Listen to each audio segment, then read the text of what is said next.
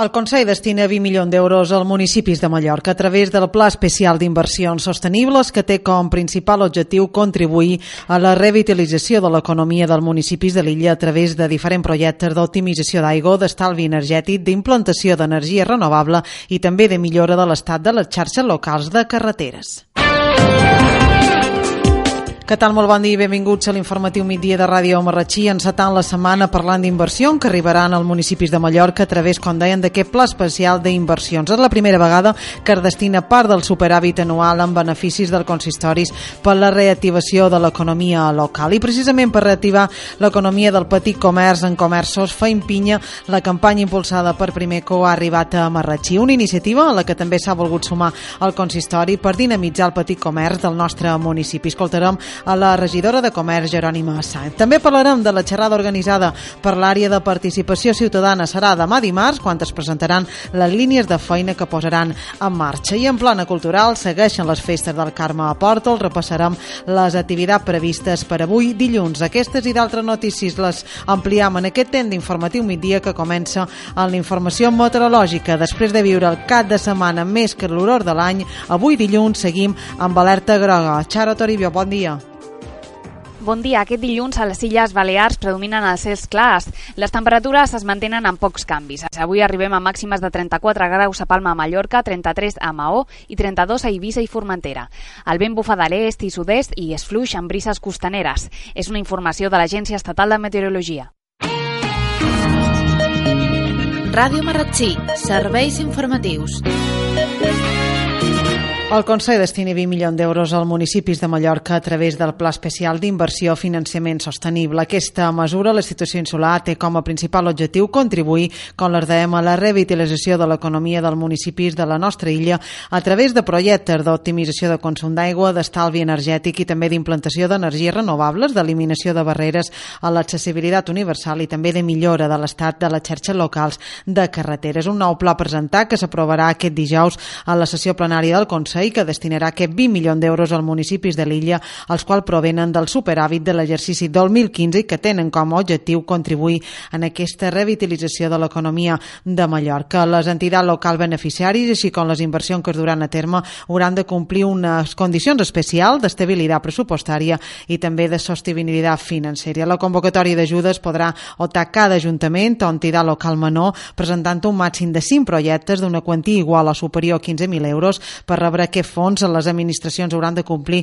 un requisit d'estabilitat pressupostària. Cada ajuntament podrà presentar 5 projectes d'obres a la convocatòria i se financiaran actuacions dirigides a estalviar hora energètic. La distribució de les quanties anirà en funció del nombre d'habitants de cada municipi. Segons el repart, per municipis, Marratxí té una població de quasi 36.000 euros, rebria una ajuda d'un 980.000 euros. Aquest pla s'aprovarà, com les deien, de forma definitiva dijous 14 de juliol en el plenari del Consell de Mallorca.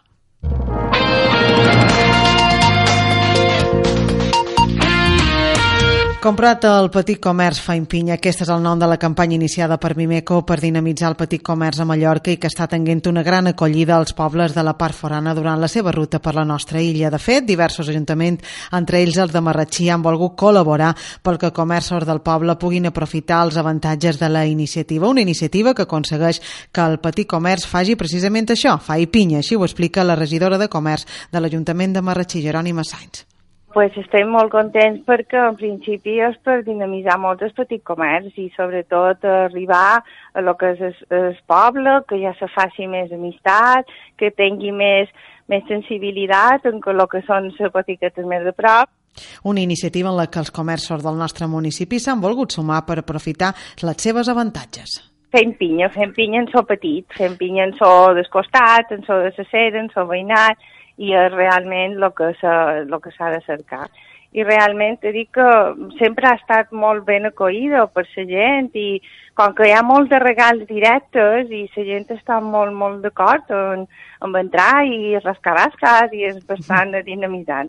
Són al voltant d'un centenars el comerços adherits a Marratxina, una campanya que dona un impuls molt necessari al petit comerç del nostre municipi.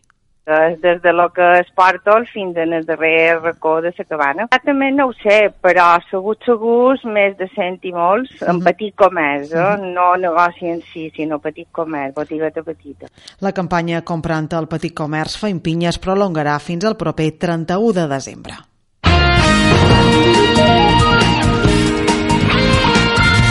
En l'objectiu d'impulsar la participació activa de Marratxí, demà dimarts a l'àrea de participació ciutadana ha organitzat una xerrada on es convoca totes les associacions i veïnats interessats del municipi. La xerrada té com a objectiu presentar les línies de feina que des de l'àrea de participació engegaran en els propers mesos i que pretén afavorir una participació real i efectiva del municipi. Escolta'm un estrata de l'entrevista que han mantingut a l'informatiu 20 dia amb Antoni Manjova, regidor de Seguretat Ciutadana perquè pràcticament han començat eh, fa poc temps. I primer van fer fins a final d'any, fins al mes de setembre, l'actualització de totes les associacions, cosa que no s'havia fet mai en el municipi, per tant teníem moltes associacions que estaven, figuraven en el registre però estaven inactives, en què arribaven bastanta de feina només per actualitzar aquest arxiu. Això se va fer fins a final d'any. A principi d'enguany ja van començar a fer el concurs amb una per, per seleccionar una empresa que fes la dinamització i l'extensió del tema de la participació ciutadana. Ara aquesta empresa ja està fent feina i la primera, a pesar que segueix ja fent feina, eh, contactes amb les diferents associacions, amb els tècnics dels propis ajuntaments, amb les diferents àrees, això de la participació és un tema totalment transversal, i per tant tothom ha d'estar assabentat de, dels objectius i participar en aquests objectius, perquè si no mm. estem abocats en el fracàs, si no és així.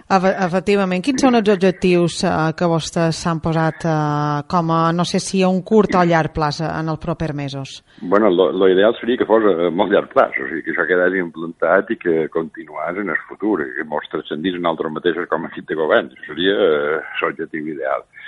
I en quant a com se faria aquesta participació, per a tots els nivells, és a dir, en els pressupost participatius cada any hi hagués unes quantitats que dins diverses propostes els ciutadans poguessin dir quines consideren més, més necessàries a dins el municipi, naturalment, no disposant d'una gran quantitat de dobbers, i hi ha un dobbers com són els de capital de personal, que són intocables, evidentment, mm. aquí ningú pot tocar, però dins mm, inversions o dins eh, canvis que hi pugui haver dins el municipi, eh, que cada any hi ha un dobbers que siguin els propis ciutadans que decideixin quina és la prioritat que consideren més urgent. Uh -huh. mm, això és una part. L'altra part, pues, potser també les festes de Sant Marçal, que també, eh, quan ja s'ha fet a qualque altre municipi, decidissin un poc o poguessin eh, decidir quins grups venen, per exemple, quins grups hauria de més, tinc diverses opcions que -huh. se li donassin, eh, que poguessin també, en fi, participar a l'hora de dir és el que està bé o és el que està menor bé d'aquestes festes, o quines necessitats urgents hi ha dins el municipi, crear vies de, de comunicació, que de fet ja n'han creades bastantes. La línia verda, per exemple, per les reclamacions, és una bona passa, i, i bueno, crear més col·laboració. O sigui, un, que el ciutadà, en definitiva, per dir en poques paraules, que el ciutadà no se consideri que el que ha de fer és anar a votar quatre anys, cada quatre anys eh, i durant aquests quatre anys criticar o elevar la funció de, de, de l'equip de govern, sinó mm. que participi directament, com el que diu cada dia, a cada decisió que vegi, cada cosa que vegi pel carrer, pugui pues, participar i pugui opinar i inclús decidir. Mm. Això és el que no, no per, fer fins per ara. lo que ens està comentant Antoni, és, eh, els seus objectius són que, que la gent de Marratxí que està dins d'aquestes associacions tingui veu i tingui vot, no? A l'hora de Correcte. poder decidir el que s'ha de fer. Correcte, no només que pugui criticar, que això evidentment un país democràtic se pot criticar tot el que se vulgui, sinó que a més decideix qui, uh -huh. que fins ara no s'ha fet. És a dir, ciutadà no decidir res, va votar cada quatre anys i deixa que l'equip de govern faci o deixi de fer i llavors, pues, bueno, cada quatre anys torna a votar. No, això ha de ser una cosa continuada, que cada decisió dins les possibilitats, hi ha decisions que, que corresponen directament a l'Ajuntament i també això no ha de significar que l'Ajuntament o l'equip de govern en aquest cas renuncia a les seves responsabilitats. Decisions que corresponen a l'equip i s'ha de banyar i ja està. Però n'hi ha d'altres que sí, que poden estar perfectament obertes a la ciutadania i totes aquestes ha de donar la màxima, la màxima participació a la gent. Participació vol dir que decideix quin, mm. no és quin això. Claro, uh, uh, uh, jo no sé de quina manera se podria articular, perquè uh, jo, uh, a Marratxí, uh, uh, associacions amb batiu, quantes n'hi ha? Pues, unes 200. Unes 200. Moltes, Clar, són moltíssimes. Moltes, però, mm -hmm. Sí, són moltíssimes, però al mateix temps són associacions, aquí comptem associacions esportives, ja. associacions de qualsevol tipus, eh? Mm -hmm. Tot, totes les associacions que hi ha. Mm -hmm. Uh, inclús les de veïnat, inclús els festeros, totes aquestes coses. Clar, les associacions de veïnats mm, són la base, no? però més ha de ser el ciutadà individual és que, és que també pugui aportar. És dir, no necessàriament un ciutadà ha d'estar dins una associació de veïnats per poder dir la seva, no? I per poder participar dins una possible votació o dins el que sigui. Mm. I de què és el que, que pretendem implantar? Que no és altra cosa que, que ells participin, aquests, més o menys que els ciutadans, eh, sigui a través de les resolucions o sigui individualment, uh -huh. participi de les decisions, de determinades decisions de les que s'aprenen dins, es, uh -huh. dins l'equip de govern. Uh -huh. De quina manera se podria fer? De quina manera se, se pot articular? Perquè estan parlant de més de 200 associacions. Si aquesta gent realment ha de dir la seva també, s'haurà d'articular una forma perquè totes aquelles, eh, ja no queixes, propostes que tinguin les associacions les arriben a vostès. Sí, estem pensant, o sigui, una de les funcions que té aquesta empresa, i ho fei, i vull aclarir que ho fem a través d'una empresa perquè per l'alimentació de personal que té el propi Ajuntament. Dir que participació tinc un sol estudiant administratiu, uh -huh, el que faria impossible d'un debat d'un claro, projecte d'aquests claro. amb una sola persona. I he vengut de donar una empresa perquè no m'ha quedat més remei. No és la nostra política habitual, però he vengut de fer. Doncs aquesta empresa sí que fent un estudi damunt tot el municipi, damunt la associació que hi ha, damunt aquest mm, arribarà a unes conclusions que són les que ens diran quin és el camí més bo per articular aquesta participació. Uh -huh, eh? uh -huh. Per això, una vegada que acabi aquest procés, que serà d'aquí 4 o 5 mesos, perquè hauran contactat en totes les associacions, eh, farem altres reunions com aquesta de dia 12, perquè la gent ho sàpiga, per donar la màxima informació, després de tot això arribarem a una conclusió de com se pot articular això. Per això, de veure quina conclusió arriba aquesta empresa i que mos presenti aquestes conclusions després de xerrar pràcticament amb tothom, mm. per dir-ho així. Eh? Una reunió formativa demà a les set i mitja del cap vespre que comptarà amb la presència de l'empresa esmental encarregada de la planificació i anàlisis de la participació a Marratxí. Sergio Pujol, membre de la Mental, ens parla a Ràdio Marratxí de quin serà el punt de partida de l'empresa a l'hora de planificar. Uh, Primerament, començarem amb el que seria un diagnòstic de la situació actual de la participació en el municipi de Marratxí, uh, perquè a vegades, uh, quan comencem projectes, uh, doncs no se té en compte la situació actual. No? És per això que començarem amb un diagnòstic de com està la participació, perquè així després l'Ajuntament podrà establir línies estratègiques de futur eh, cap a on vol que la ciutadania o cap a on vol la ciutadania eh, que va molta feina en temes de participació, hem duit a la llegenda local 21 del CUBI, de Santa Eugènia, de Puigpunyent, Eh, també hem fet assessorament en participació a la Conselleria de Medi Ambient eh, per projectes puntuals i també hem fet eh, diverses jornades de participatives, no? amb dinàmiques participatives. Per tant, eh, tenim una base, un coneixement de, de com s'ha de fer aquesta participació. No? La reunió formativa es celebrarà al Saló de Plans a les 7 i mitja del cap vespre. Serà demà dimarts.